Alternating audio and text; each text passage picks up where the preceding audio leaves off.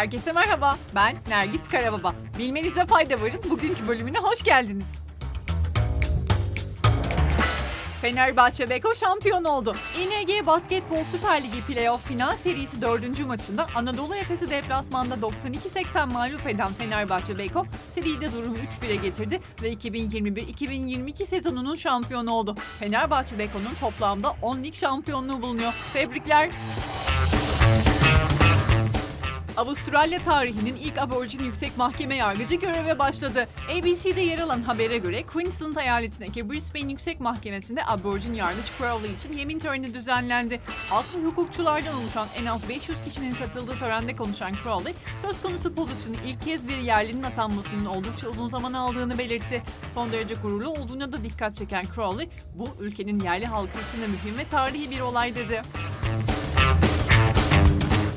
Bitcoin başta olmak üzere kripto varlık piyasasında gerileme hız kesmeden devam ediyor. Bitcoin %10'u aşan bir düşüşü 21 bin doların da altını test etti. Ethereum ve Avax gibi kripto para birimlerinde de sert düşüşler yaşanmaya devam ediyor. Diğer bir yandan S&P 500 Mart 2021'den bu yana en düşük seviyeye geriledi ve endeksin Ocak ayında kaydettiği rekor seviyeden düşüşü %20'yi aşmasıyla ayı piyasasına girmiş oldu. Bütün piyasa Amerikan Merkez Bankası'nın faiz kararına odaklandı. Genel kanı 50 bas puanlık bir faiz artışı yapılması yönündeyken Goldman Sachs analistleri daha önce 50 bas puan olan tahminlerini yukarı yönlü revize ederek yarın FED'den 75 bas puanlık bir faiz artırımı beklediklerini bildirdi. Karar yarın akşam Türkiye saatiyle 21'de açıklanacak. Spotify yapay zeka şirketi Sonantic'i alıyor. Spotify, metinden çok gerçekçi görünen ancak simüle edilmiş insan sesleri oluşturmak için bir yapay zeka motoru inşa eden Londra merkezi girişim olan Sonantic'i satın alacağını duyurdu. Çünkü Sonantic, oyun ve eğlence ortamları için yapay zeka tabanlı gerçekçi ses hizmetleri oluşturmak üzere kurulu bir teknoloji girişimi. Ancak taraflar finansal detaylara dair bilgi paylaşımında bulunmadı. The Guardian'da yayınlanan bir habere göre sıcaklık dalgaları bilhassa İspanya'daki enerji problemlerini artırabilir. Yüksek sıcaklıklar soğutma amaçlı enerji talebini artırabilir ama diğer yandan kuraklık da hidroelektrik enerji üretimini azaltabilir. Bu durumu biraz daha açıklamak gerekirse şöyle söyleyeyim. Son 7 gün boyunca İspanya'daki sıcaklıklar zaman zaman 40 santigratı aştı ve bu mevsim normallerinin 7 ile 9 derece üzerinde olması demek. Bu sıcak ve kuru havada bölgedeki kuraklığı da olumsuz etkiliyor. Bilhassa yağışsız geçen Ocak ve Şubat döneminden sonra ülkede yaz aylarına girerken barajların doluluk oranı oldukça düşük. İspanya'da elektriğinin %10'undan fazlasını hidroenerji santrallerinden elde ettiği için önümüzdeki dönemlerde fiyatların etkilenmesi ve ciddi sorunlar yaşanması bekleniyor.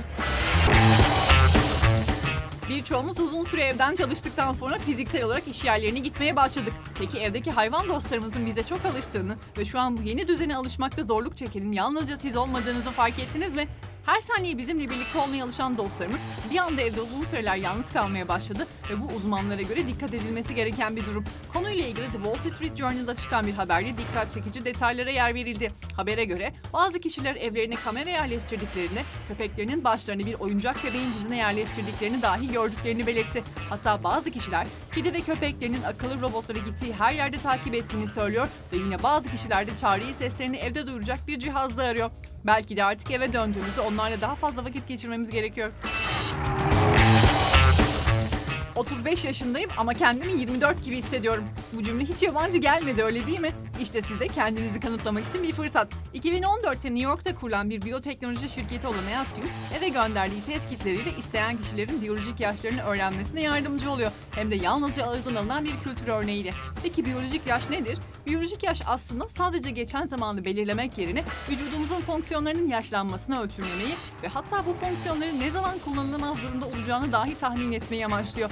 Çoğu bilim insanı da bu tarz bir bilgiyle yalnızca yaşlanma, yaşanma sürecimize dair bilgi edinmekle kalmayacağımızı, bu bilginin bize bir şeyleri değiştirme gücü vereceğini de düşünüyor.